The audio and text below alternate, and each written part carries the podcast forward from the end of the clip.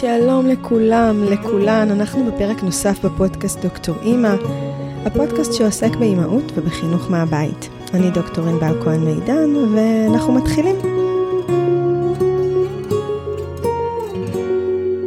רגע לפני שמתחילים, אמ, בטח שמתם לב שלאחרונה התדירות של הפרקים קצת ירדה. קודם כל ריגשתם אותי ששמתם לב. זה בעיקר הזכיר לי שיש מישהו בצד השני שמאזין, שעוקב, שמצפה. אז לכל מי שהתעניין אמרתי, ממש התחייבתי שאני לא מפסיקה ולא עוצרת. יש לי עוד אין סוף רעיונות לפרקים, והכל הולך להתממש. אה, כן מתרחשים פה כל מיני שינויים עסקיים, אבל אני כל כך אוהבת את הפודקאסט הזה, שגם אם יש שינויים, הם אה, יתרחשו מסביבו. הוא חזק ויציב ואהוב, אה, וזהו, נתחיל, אכלתי את הראש. אנחנו בפרק 60, באמת מרגש. ניסיתי לחשוב על נושא חגיגי לפרק 60. בכל זאת, מספר עגול, לא מצאתי חגיגי, אז הבאתי חשוב, שזה גם טוב. חשוב ומורכב, שאם אתגר, אז לפחות שיהיה לי אתגר חגיגי. אז uh, היום אנחנו נדבר על זוגיות. נדבר על זוגיות משפחתית, כזאת שכוללת משפחה, ילדים, um, ואני מתחילה ממש אחורה אי שם בגיל, uh, בגילאי 20-30. אלו שנים שכולנו מחפשים זוגיות. אנחנו רוצים משפחה, מייחלים לה. מכוונים למצוא, אה, מקווננים למצוא את בן, בת הזוג שמתאימים לנו כדי להקים משפחה. אה, קודם כל כדי לזכות בזוגיות טובה ומאושרת, ועם זה להמשיך להקמת משפחה. זה בעצם הרצון של אה, רוב האנשים בגילאים האלו. וזה למרות שכולנו מכירים את אחוזי ההצלחה המביכים של מוסד הנישואים, אה, כן, את הסטטיסטיקות של אחוזי הגירושין. עדיין יש בנו איזו תמימות שאצלנו זה יהיה אחרת. אנחנו נצליח, נפצח את השיטה, נמצא את האחד, את האחת, נקים משפחה ונזכה באושר גדול. אה, האומנם? אם הזכרתי את האושר, אז בהקשר הזה, אחד הדברים המעניינים שמצאו במחקר, אה, במחקר על אושר, זה את עקומת ה-U. היו, האות באנגלית יו. עקומת היו אה, מתחילה בגילאי 20, בסביבות גילאי 20, תציירו את האות יו באנגלית, זה מתחיל מהחלק הגבוה. החלק הגבוה העליון, גיל 20, בשנים האלו מדד האושר הוא בשיא. התאהבות, ריגושים, תקווה. בשנים האלו, מדברים על 20, סוף ה-20, תחילת ה-30, אה, אנשים נותנים ציונים מאוד גבוהים במדדי האושר. באות U, מיד אחרי הנקודה הכי גבוהה, יש לנו את הצלילה למטה. אז אחרי הפיק הגבוה, אנחנו בצלילה ירידה במדדי האושר. ירידה במדדי האושר מתוארת בשנים שבהם אנחנו מכוונים למשימת ההורות, שם מדד האושר צונח, והצניחה המשמעותית היא בכניסה להורות. אנחנו מדברים על שנות ההורות, שזה עשר שנים בערך של הורות לילדים צעירים, שהאושר ושביעות הרצון שלנו בשפל. אה, ובואו נוריד עוד קצת את המורל, אני אזכיר את אחוזי הגירושין שעומדים היום על 40 אחוז בחברה החילונית. אחוזים גבוהים מתוך ה-40 הם אחרי הילד הראשון או השני. שזה די מסתדר עם חוסר שביעות הרצון שלנו בשנים האלו. אז מה קורה לנו? למה ככה? איך יכול להיות שאחרי שהגענו לזוגיות וילדים, שזה בעצם מה שרצינו מאוד, אנחנו לא מאושרים? זה ממש אה, החלום ושברו. בסוף אנחנו כלואים בתוך מערכת שלרוב מאכזבת אותנו. אה, וכן, השנים של גידול הילדים הן שנים מאוד אינטנסיביות, וכדי לצלוח את השנים האלו, הזוגיות צריכה להיות מאוד מפותחת ויציבה. ועוד רגע לפני הילדים, הרי כשאנחנו הופכים להיות זוג, יש ישות חדשה במרחב והיא הזוגיות שלנו. הקשר הזוגי הוא מעבר לאינדיבידואל, יש אותי, יש אותו ויש את הזוגיות שלנו. זאת ממש ישות חדשה ונפרדת. אמ, ואז אנחנו הופכים להיות הורים, אז יש את אבא, יש את אימא, ויש את הקשר בין אבא לאימא, את הזוגיות שלהם. ואנחנו מכירים משפחות שבהן אבא ואימא, כל אחד בנפרד כל אחד בנפרד הם נהדרים ומופלאים, אבל הזוגיות לא טובה. וזוגיות לא טובה יכולה להשפיע על כל מה שמתרחש בבית. וגם הפוך, אם יש זוגיות יציבה ובריאה, אז האתגרים הרבה יותר אפשריים. עד פה מאוד הגיוני. אבל בפועל המשימה להחזיק ולטפח את הזוגיות בתוך הורות מלחיצה היא לא פשוטה בכלל. אז אנחנו ננסה קצת לפרום את הסבך הזה ואולי להבין מה קורה לנו שם. נתחיל מהפנטזיה שאנחנו מחזיקים לגבי ההורות. התחלתי עם זה את הפרק שכולנו בטוחים שאצלנו זה יהיה אחרת. לפעמים אני גם חושבת שאיזה מזל שאנחנו מחזיקים בפנטזיה הזאת, כי אחרת כמה מהזוגות היו הופכים להיות הורים. התפר הזה של בין זוג לזוג עם ילדים, שם נמצא השינוי הגדול, שם נמצאת הדרמה. כניסה של ילד לתוך הזוגיות מערערת את כל שיווי המשקל המשפחתי. זה מתחיל מהקשר הסימביוטי בין האימא לתינוק, שמשאיר את האבא פחות רלוונטי. זה ממשיך לקושי אובייקטיבי שכרוך בגידול ילד, הלוגיסטיקה, הפחדים, הדאגות, ואפילו רק הטיפול השוטף בדרך כלל כולל המון אתגרים. ההורים טריים, הם חדשים בתפקיד שלהם, נכנסים לאזורים לא מוכרים, והכל קורה ביחד ובזמן אמת. אה, וזו תקופה שכל אחד מבני הזוג מעצב בעצמו את ההורה שהוא. אם נחשוב על זה, אז לא שנכנס רק ילד למשוואה, נכנסת הביתה אימא ונכנס אבא, שניהם לא היו פה קודם, והם בעצם בשלבי התפתחות מאוד ראשוניים עם הזהות החדשה הזאת. לא סתם אומרים שנולד תינוק, נולד אבא ונולדת אימא, כולם נולדים ביחד. אף אחד מהם לא היה פה קודם. וכל המערכת הזאת שמורכבת מהרבה חלקים חדשים, תחשבו שהם גם צריכים ללמוד איך לעבוד ביחד. אני מזכירה גם את הזוגיות שעוברת לפעמים רעידת אדמה, כי היא לא יכולה להמשיך להיות בדיוק הזוגיות שהיא הייתה. היא עוברת שינוי, ועכשיו היא זוגיות הורית. אה, זה לא פחות טוב אה, ולא פחות סקסי, זה פשוט אחר. אז זה המון שחקנים חדשים. והקטע הוא שאין כל כך איך להתכונן לשינוי הזה. כי אין לנו מושג איזה אימא תיוולד, ואין לנו מושג איזה אבא ייוולד, ואיזה תינוק ייוולד, ואיזה זוגיות הורית תתעצב פה. כולם נוחתים פה ברגע אחד, כל אחד מחללית אחרת, והכל קורה במקביל. זה נכון שמי שהייתי לפני נמצאת ונוכחת כשאני הופכת להיות אימא, וכנ"ל גם לגבי הבן זוג שלי. הזהות החדשה, האימהית, היא מתווספת, גם הזהות של האבא, היא מתווספת למי שאנחנו. ולפעמים החלקים שאיתם אנחנו באים מתוך האישיות שלנו, אה, לא קל להם להשתלב עם הזהות החדשה ההורית. ובמקרים אחרים זה משתלב חלק יותר. וגם הזוגיות, יש זוגיות שמאוד משתלבת במפרע את הזוגיות ההורית, ויש זוגיות שהיא לא מספיק יציבה ולא מספיק בריאה, ובמעבר לזוגיות הורית זה יכול להיות קשה וקטלני. אה, ולגבי איזה הורה נהיה, יש איזה מחקר נחמד שבו שאלו זוגות, זוגות שהיו במהלך הריון, אה, הריון של האישה, אה, איזה הורים תהיו?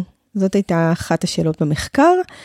והתשובה הרווחת ביותר, התשובה שנשמעה הכי הרבה מצד הזוגות הייתה, אני לא אהיה כמו אימא שלי, או אני לא אהיה כמו אבא שלי. זה היה בהתאמה, אה, נשים אמרו, אני לא אהיה כמו אימא שלי, וגברים אמרו, אני לא אהיה כמו אבא שלי. תחשבו איזה מטען פסיכולוגי כבד זה הרצון לא להיות כמו ההורה שלנו. ההורות שגדלנו עליה מוטבעת בלא מודע שלנו. זאת בעצם ההורות המופנמת שאיתה אנחנו מסתובבים בעולם, אם נאהב אותה או לא. וכדי לא להיות כמו ההורה שהיה לי, כמו ההורים שאיתם גדלתי, אני צריכה להיות מאוד מפותחת ומודעת, ובעיקר פנויה ו- ולא עייפה. ומה קורה להורים בתחילת הדרך? הם יודעים שהם לא רוצים להיות כמו ההורים שלהם, אבל הם בתוך סיטואציה אינטנסיבית ומלחיצה, שהזהות ההורית שלהם לא מעוצבת, ומה שיוצא מהם זה הרבה פעמים ההפך ממה שהם היו רוצים. ובעצם יוצאות תגובות ויוצאים דפוסים שהם ספגו מההורים שלהם, מהבית שלהם. כי הם עדיין לא עיצבו את ההורה שהם, זה לוקח זמן. וזו תקופה שההגנות שם, ההגנות שלנו יורדות, יש עייפות, יש סטרס. כל זה מאוד מאפיין את תחילת הדרך. אה, נכון שמודל ההורות שגדלנו עליו הוא לא תמיד השראה בשבילנו, אבל חשוב שנזכור שהוא בעצמות שלנו, הוא ב-DNA שלנו, ונדרשים תנאים נכונים כדי לעצב את ההורה שאנחנו, את האימא שאני או את האבא שאתה.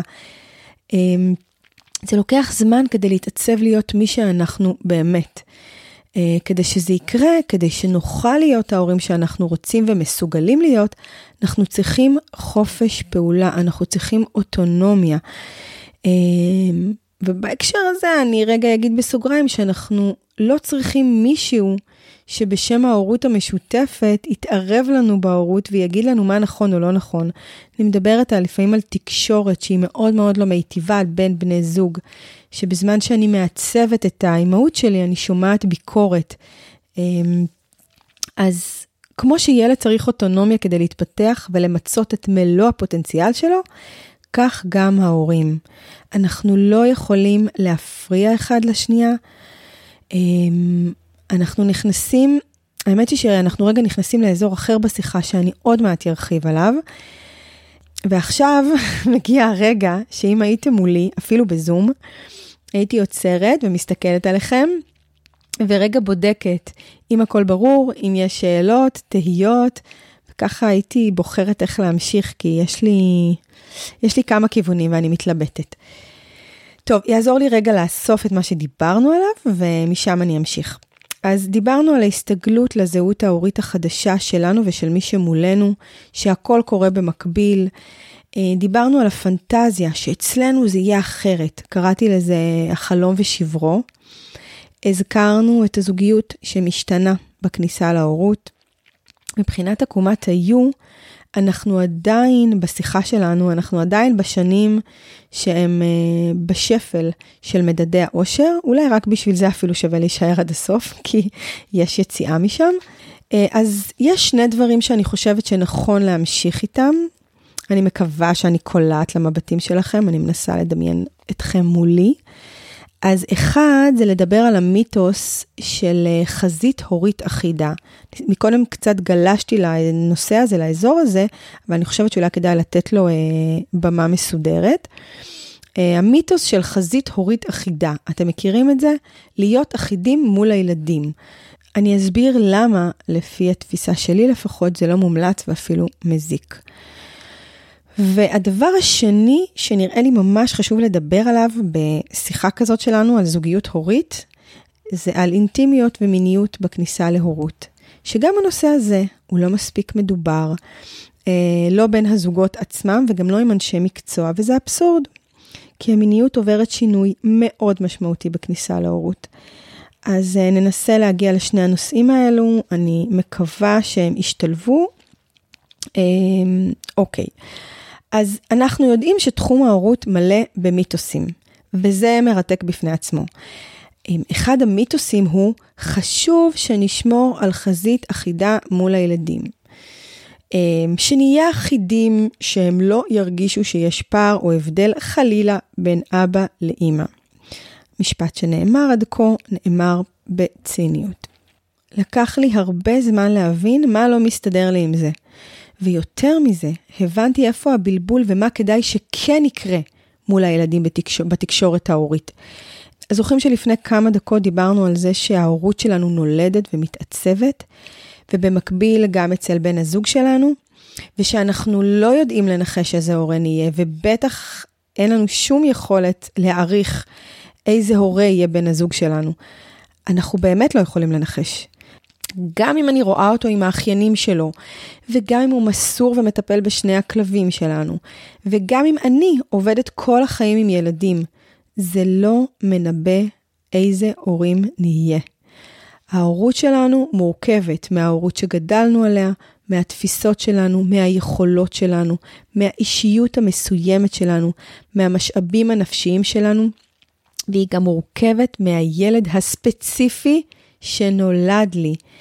אז אין מנבא לאיזה הורה נהיה. יש היום כל מיני ניסיונות לנבא קבוצות סיכון אה, לדיכאון אחרי לידה, אבל זה המקסימום שהגיעו אליו. יש המון מרכיבים שנכנסים למשוואה ויוצרים את ההורה שאנחנו, וגם מי שהוא הורה ליותר מילד אחד, יכול לזהות שהוא הורה קצת אחר לכל ילד. אז אם אני לוקחת את כל זה בחשבון, זה בלתי אפשרי לא לזהות איך אני אהיה, אבל זה גם בלתי אפשרי באפס סיכויים לצפות שבן הזוג שלי יהיה כמוני.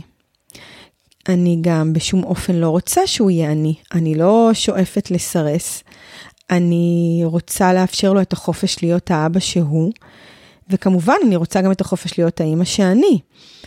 אז כמו שאמרתי קודם, הדרך להיות ההורה שאנחנו מחויבת להיות מתוך חופש אה, ואוטונומיה, אה, וגם תחושת מסוגלות. ילדים זקוקים לשני הורים, הם לא זקוקים לשיבוט של איזה רעיון הורי אידיאולוגי שמוגש להם בעטיפה כזאת או אחרת. אני לא פה כדי להעביר מסר או לחנך מישהו, אני פה בתוך יחסים איתם, עם הילדים שלי. וביחסים איתם אני מביאה את עצמי. לא רעיון, לא אידיאולוגיה, לא איזה אמת כלשהי. אני אתן דוגמה, אמנם מאוד בסיסית, אבל היא יכולה לעזור לנו. אני יכולה להגיד uh, בסוף היום, יותמי, תעלה לצחצח שיניים, כשתסיים אני באה להקריא לך סיפור. בן זוגי שיחיה יכול להגיד, תעלה עכשיו לצחצח שיניים, לא תעלה, אין סיפור. כל אחד מאיתנו מגיב אחרת לסיטואציה. אז אני יכולה להשתגע עד לרמה של פריחה בכל הגוף שאני שומעת אותו מגיב ככה. אבל אני גם מנסה לזכור שזה יהיה ממש מתנשא מצידי לחשוב שהדרך שלי טובה יותר או מפותחת יותר. כי גם מצידו, הוא לא מבין את הסגנון הרך הרכרוכי הזה שאני מביאה, חסר הגבולות. בחרתי דוגמה פעוטה, כן, של צחצוח שיניים. ואנחנו יודעים שזה יכול להיות בכל דבר, עד לנושאים גדולים, משמעותיים, מהותיים. אבל uh, אני אוהבת, יש לי איזה נטייה כזאת uh, להשתמש בדוגמאות פשוטות כדי להבין רעיונות גדולים. אז uh, נשאר בצחצוח השיניים, uh, ואני מקווה שאנחנו יכולים מזה להקיש להרבה מקומות אחרים. אבל בואו נפתח את זה עוד. מה לא נעשה מול הילדים, לפחות באידיאל, ברצון, בשאיפה? לא נריב ונתווכח לידם, אני מדברת על הזוג, לא נריב לידם. אה, לא נתערב אחד לשני בהורות בשם איזה משהו שאנחנו מאמינים בו. אנחנו לא חייבים לגבות אחד את השני בכל דבר. אני מזכירה שהילדים שלנו זקוקים לשני הורים שהם שונים ואחרים. אם נחזור לדוגמה שלנו, של צחצוח השיניים, אני לא אגיד, אה, יותם, שמעת מה אבא אמר? אם לא תעלה אין סיפור. כי אני עכשיו עסוקה בלגבות אותו. אין, זה לא יקרה, זה לא אני. וגם הפוך לא יקרה, אין סיכוי שהוא יגיד, יותם חמוד, שמעת את אימא? תעלה בבקשה לצחצח שיניים ואבו שבוא להקריא לך סיפור. גם זה לא יקרה, כי זה ממש לא הוא. ואגב, הפתרון למקרים מהסוג הזה, שאחד לוקח על עצמו את ניהול הסיטואציה והשני משתלט על הכלים בכיור. הפרדות, כן, לפעמים זה כל מה שצריך וזה עושה קסמים. אמ, וכמובן, יש קווים אדומים. כל זוג מחליט על הקווים האדומים שלו. ואפשר גם לתקשר אותם ולהחליט עליהם. אבל אם זה לא דרך על הקווים האדומים, אני ממש ממש נושכת את השפתיים ולא מתערבת תוך כדי הסיטואציה, תוך כדי הקשר שלהם, היחסים שלהם, התגובות שלו אליהם. אמ, זה מצליח לי ברוב המקרים, אני מודה. אה, ואם נחזור לדוגמת צחצוח השיניים, אני גם לא אגיד באותו רגע לבן הזוג שלי, איזה שטויות, מה אתה מאיים עליו, למה אתה משתמש בכוח שיש לך מולו, זאת אלימות וכולי. אה, אני גם לא אגיד לו איזה יחסים אתה בונה איתו, שמתנהלים על כוחנות וכולי וכולי. אה, אגב, אני לא אגיד את זה לא ליד הילדים, ואני גם לא אתקשר איתו את זה ככה אחר כך. אמנם זאת יכולה להיות הרצאה מאוד עסיסית, אבל היא לא תוביל לשום מקום, וזה יכול לעשות רק נזק. אז לא מול הילדים אני אתקשר את זה ככה, אבל גם כשאני אדבר איתו על זה אחר כך, אני לא אגיד את הדברים ככה. אני יכולה, אגב, בזמן אמת לבחור בכל מיני תגובות אחרות שלא מבטלות מול הילדים את התגובה שלו. יש הרבה אפשרויות אה, יעילות, אבל אנחנו לא ניכנס פה לטיפים קטנים, נכון? אנחנו רוצים לצאת אה, רחב יותר, בפרספקטיבה רחבה יותר.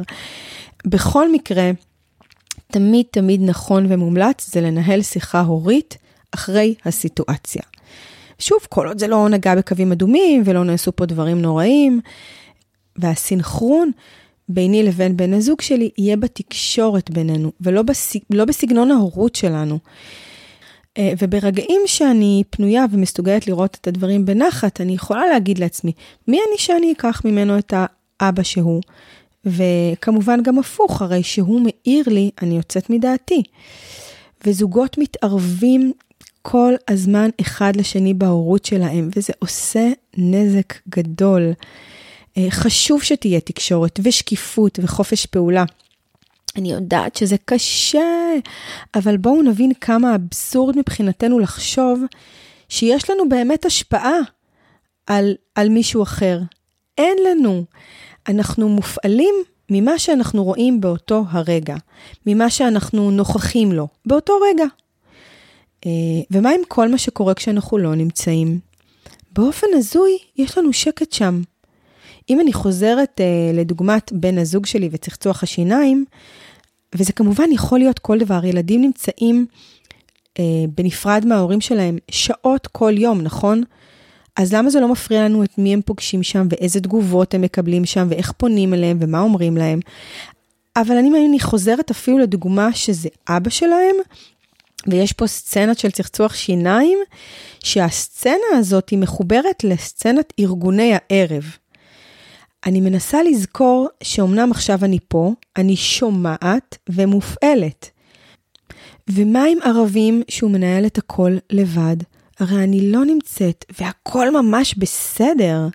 אני חוזרת בדרך כלל, כולם ישנים, הבית שקט, אני רגועה.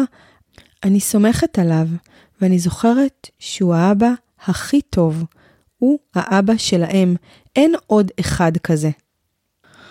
אמ, וזה מזכיר לי שהרבה זוגות אומרים שהם מעדיפים להיות בנפרד מבן הזוג שהם עם הילדים, שהם מסתדרים הכי טוב כשהצד השני לא נמצא. איזה באס הזה. אגב, גם אבות וגם אמהות אומרים את זה. ואני לא יודעת אם אני מוטה פה אה, בכמה שאני מתארת את, את החוויה האמהית או החוויה האבהית, אני בטח יותר מוטה לחוויה האמהית, כי זאת החוויה שלי, אבל אנחנו יודעים אמנם, אנחנו יודעות, הנשים, לחנך ולעצב את בן הזוג שלנו, אבל יש גם המון אבות שמתערבים לאימהות ומבקרים אותן על האימהות שלהן. זה די even במקומות האלה, וזה ממש מחבל ביחסים, זה חונק ומכעיס ומקטין, וזה חומר גרוע מאוד לזוגיות הורית. אם אני חושבת על הדבר שהכי חשוב לי עם הילדים שלי, שזה גם אגב הדבר שהכי משפיע עליהם בסופו של דבר, זה היחסים שלי איתם ודוגמה אישית. זה מה שאני יכולה לתת להם, את היחסים איתם ואת מי שאני כדוגמה. אני לא יכולה להתערב ביחסים של אבא שלהם איתם. הוא אבא שלהם, והחלק הזה תמיד יהיה באחריות שלו. וגם עוזר לי לזכור, וגם להרבה זוגות עוזר, אם מסתכלים על זה כקרמה, זו, אלו ההורים שלהם, לטוב ולפחות טוב. אמ, הרבה זוגות מגיעים למשברים גדולים כי הם מאוכזבים ממי שהם התחתנו איתו. הם מגלים שהם שונים, שיש להם תפיסות הוריות שונות. וממש חשוב לי לחזור על זה, אין לנו זכות להתערב אחד לשני בהורות. אנחנו אמנם בהורות משותפת לילדים האלו, אבל זה לא נותן לנו זכות להיכנס לקרביים אחד של השני. אה, ואז כשמגיע משבר משמעותי, אה, זוגות חושבים שאם הם יתגרשו זה יהיה אחרת. וגם פה יש איזשהו מימד של אשליה. הרי הוא ימשיך להיות אבא שלהם, ואני אמשיך להיות אימא שלהם. זה יהיה רק בנפרד, ובלי היכולת בכלל, אגב, לא להתערב ולא להשפיע. אבל uh, למרות שכשמגיעים למשברים כאלה יש גם תחושה שהאהבה נגמרה והמשיכה נגמרה ושאין עתיד משותף ועוד חלקים, אנחנו לא ניכנס לזה. אה, דיברתי קודם על קווים אדומים, נכון? אז חסר לי פה משהו, אני רוצה להגיד שעוד לפני הקווים האדומים, אפשר לייצר נורמות בבית. אה, וגם הן לא חייבות להיות זהות, אבל לפחות מוסכמות. אה, לדוגמה, כשאני איתם הם ילכו לישון מתי שזה מסתדר בהתאם לפלואו של היום, וכשאתה איתם הם ייכנסו לישון בשמונה. אה, כשאני איתם זמני המסך גבישים, שוב, בהתאם למה שקורה פה בבית, וכשאתה איתם אתה יכול להחליט על שעות קבועות, אם זה מה שנוח לך. כשאני איתם הם אוכלים מה שאני מבשלת באותו יום, ואתה מוזמן לקחת אותם למקדונלדס, הם בטוח יחגגו את האירוע. יחגגו ויכתירו אותך לאב השנה. אה, אנחנו גם יכולים להחליט על נורמות שהן מוסכמות ומשותפות. אה, למשל, לא משנה מי נמצא איתם, לא מדלגים על צחצוח שיניים בערב. לא משנה מי נמצא איתם, הם לא הולכים לבד לפארק. אה, אבל כל זה, זאת בדיוק התקשורת.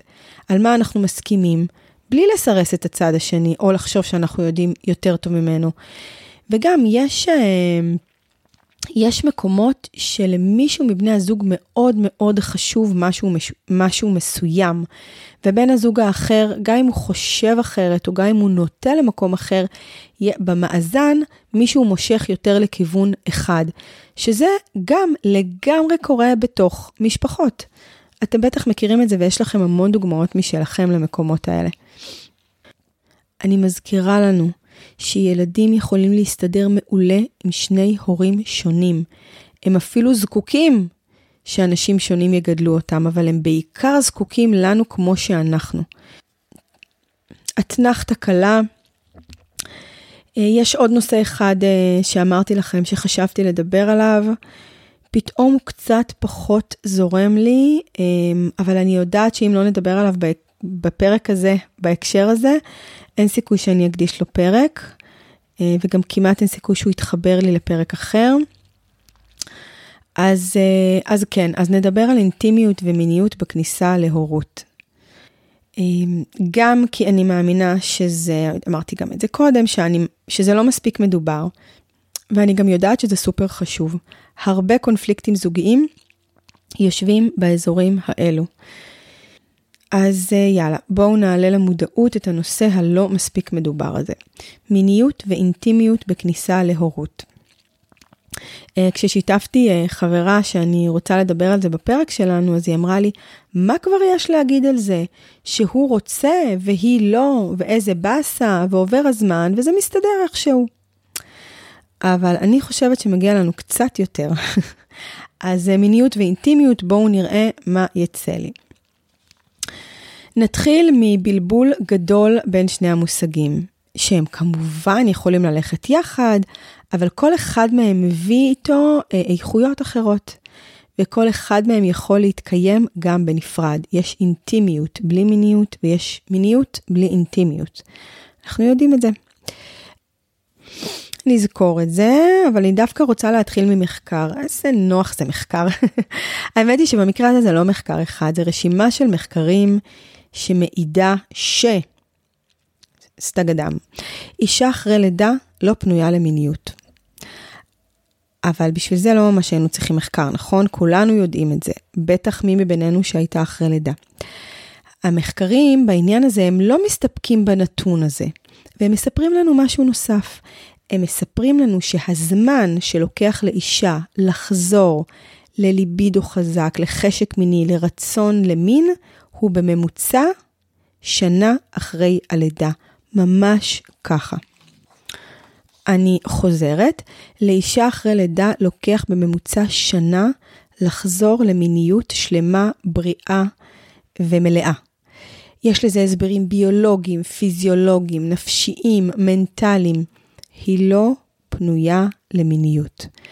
לקח לגוף שלה תשעה חודשים לייצר חיים, אנחנו ניתן לגוף שלה לפחות את אותה תקופה כדי לחזור לכל מיני תפקודים וביניהם גם מיניות.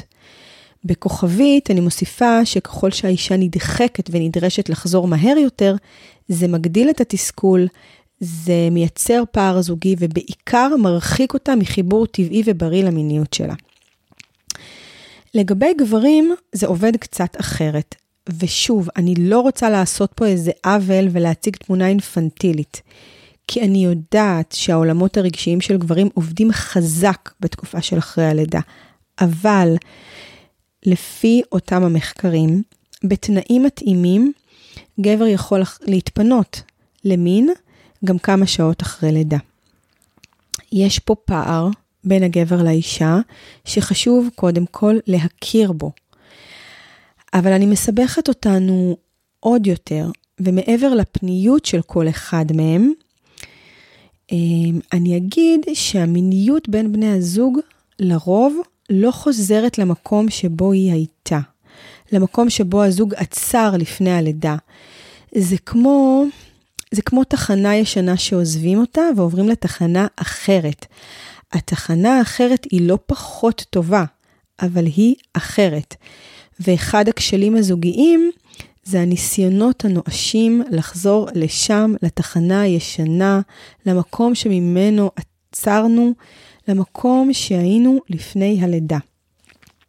גם נשים מפתחות תסכול גדול סביב השינוי הזה. הן יכולות להרגיש זרות מהגוף שלהן בקונטקסט מיני. הן יכולות, אה, לפעמים הן מתארות בהלה ופחד שזה לא יחזור, כי כרגע זה לא בפוקוס שלהן. אחרי לידה הן באמת לא רוצות מין, אבל הן כן יכולות לרצות אינטימיות. אני מזכירה שמיניות ואינטימיות הן לא תאומות סיאמיות, ויכולה להיות אינטימיות זוגית גם בלי מין. ואישה תהיה פנויה לאינטימיות אם היא לא תרגיש את הלחץ שהאינטימיות חייבת להוביל למין. אמ, גם הנושא הזה רצוי מאוד שהוא יהיה בתוך תקשורת זוגית. אה, וחשוב להכיר בפערים וליהנות ממה שיש כרגע, לתת לגוף של האישה את ההחלמה שהוא זקוק לה. והכי חשוב, לזכור שיש תחנה אחרת, חדשה, שהיא לפעמים אפילו מפתיעה, והתחנה הזאת מחכה לנו אם נסכים לנסוע אליה. טוב, אז uh, סיכום קצר, נעשה, ננסה לאסוף. תראו, אף הורה ואף זוג לא הולכים לקורס הורות לפני שהם הופכים בעצמם להיות הורים. הכל קורה תוך כדי, ולפעמים זוגות מגיעים לטיפול כשהמשבר עמוק, ולפעמים אם לא תופסים בזמן, זה יכול להיות מאוחר מדי. ועל כן הסטטיסטיקה המצערת, משפחות מתפרקות וזה עצוב, ובעיקר חבל, כי בהרבה מאוד מקרים אפשר לתקן. אה, אולי יעזור אם נזכור שתוך כדי שאנחנו מעצבים בעצמנו את ההורה שאנחנו, יש מולנו מישהו שנמצא בתהליך מקביל.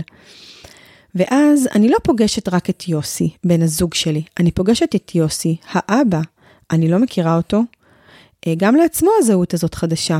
אני יכולה לאהוב ולהתחבר למה שאני פוגשת, ואני יכולה גם אה, לא ממש, אני אולי צריכה זמן להתרגל ולהסתגל. דיברנו על זה ש... שלפעמים נוצרים פערים בין בני הזוג בתפיסות ההוריות שלהם.